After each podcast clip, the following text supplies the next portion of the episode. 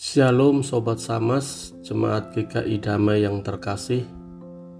Kita berjumpa lagi dalam Renungan Samas hari ini. Sebelum kita mulai, mari kita berdoa. Ya Bapa yang penuh kasih dan anugerah Yang telah menyelamatkan dan menguduskan hidup kami. Kami bersyukur atas kebaikan-Mu yang selalu memelihara dan mencukupkan hidup kami. Kami akan bersama-sama merenungkan firman Tuhan yang mengajarkan kehidupan bersama yang penuh kasih. Dalam nama Tuhan Yesus kami berdoa. Amin. Renungan kita hari ini diambil dari 1 Petrus 1 ayat 17 sampai 25 dan 1 Petrus 2 ayat 1 kita akan membaca ayat 21 dan 22 saja. Bapak Ibu Saudara bisa membaca sendiri secara keseluruhan. Ayat 21 dan 22 di bawah perikop kekudusan dan kasih persaudaraan berbunyi demikian. Ayat 21 Oleh dialah kamu percaya kepada Allah yang telah membangkitkan dia dari antara orang mati dan yang telah memuliakannya sehingga imanmu dan pengharapanmu tertuju kepada Allah. Ayat 22 Karena kamu telah menyucikan dirimu oleh ketaatan kepada kebenaran, sehingga kamu dapat mengamalkan kasih persaudaraan yang tulus ikhlas. Hendaklah kamu mengasihi dengan segenap hatimu. Bapak, Ibu, saudara yang terkasih, berdasarkan bacaan kita tadi, kita yakin dan percaya dengan iman bahwa jemaat GKI Damai adalah suatu komunitas ilahi karena kita percaya kepada Tuhan yang adalah penebus kita yang telah menyelamatkan kita dan menguduskan kita oleh anugerahnya. Amin.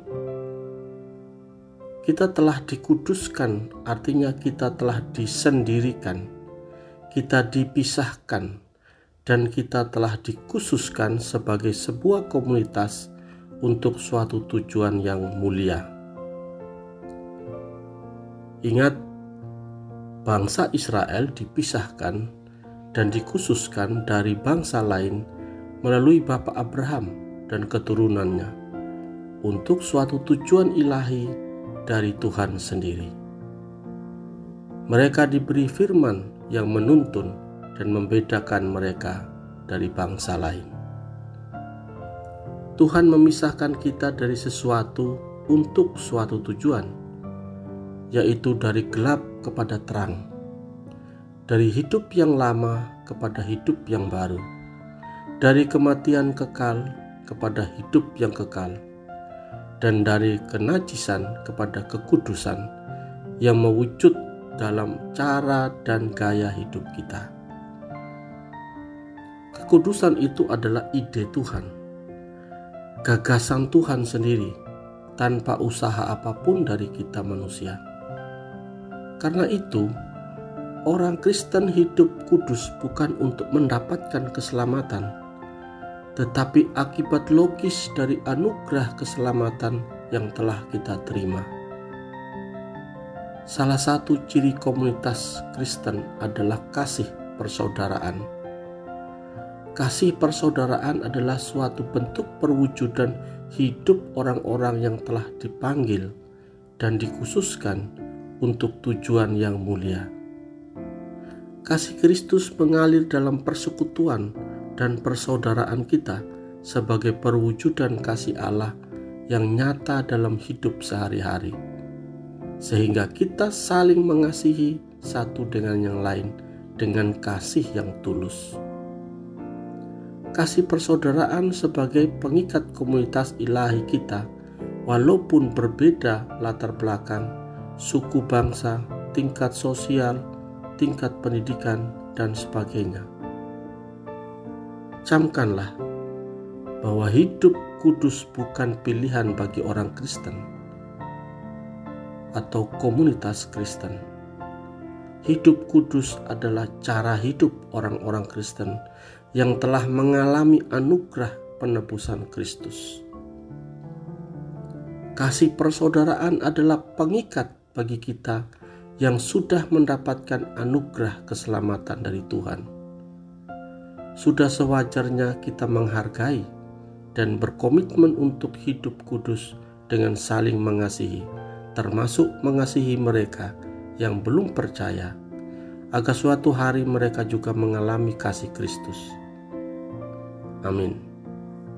Mari kita berdoa. Kami bersyukur ya Tuhan sebagai komunitas ilahi yang telah Tuhan tebus dan kuduskan. Kami dapat hidup dalam persaudaraan dengan kasih yang tulus.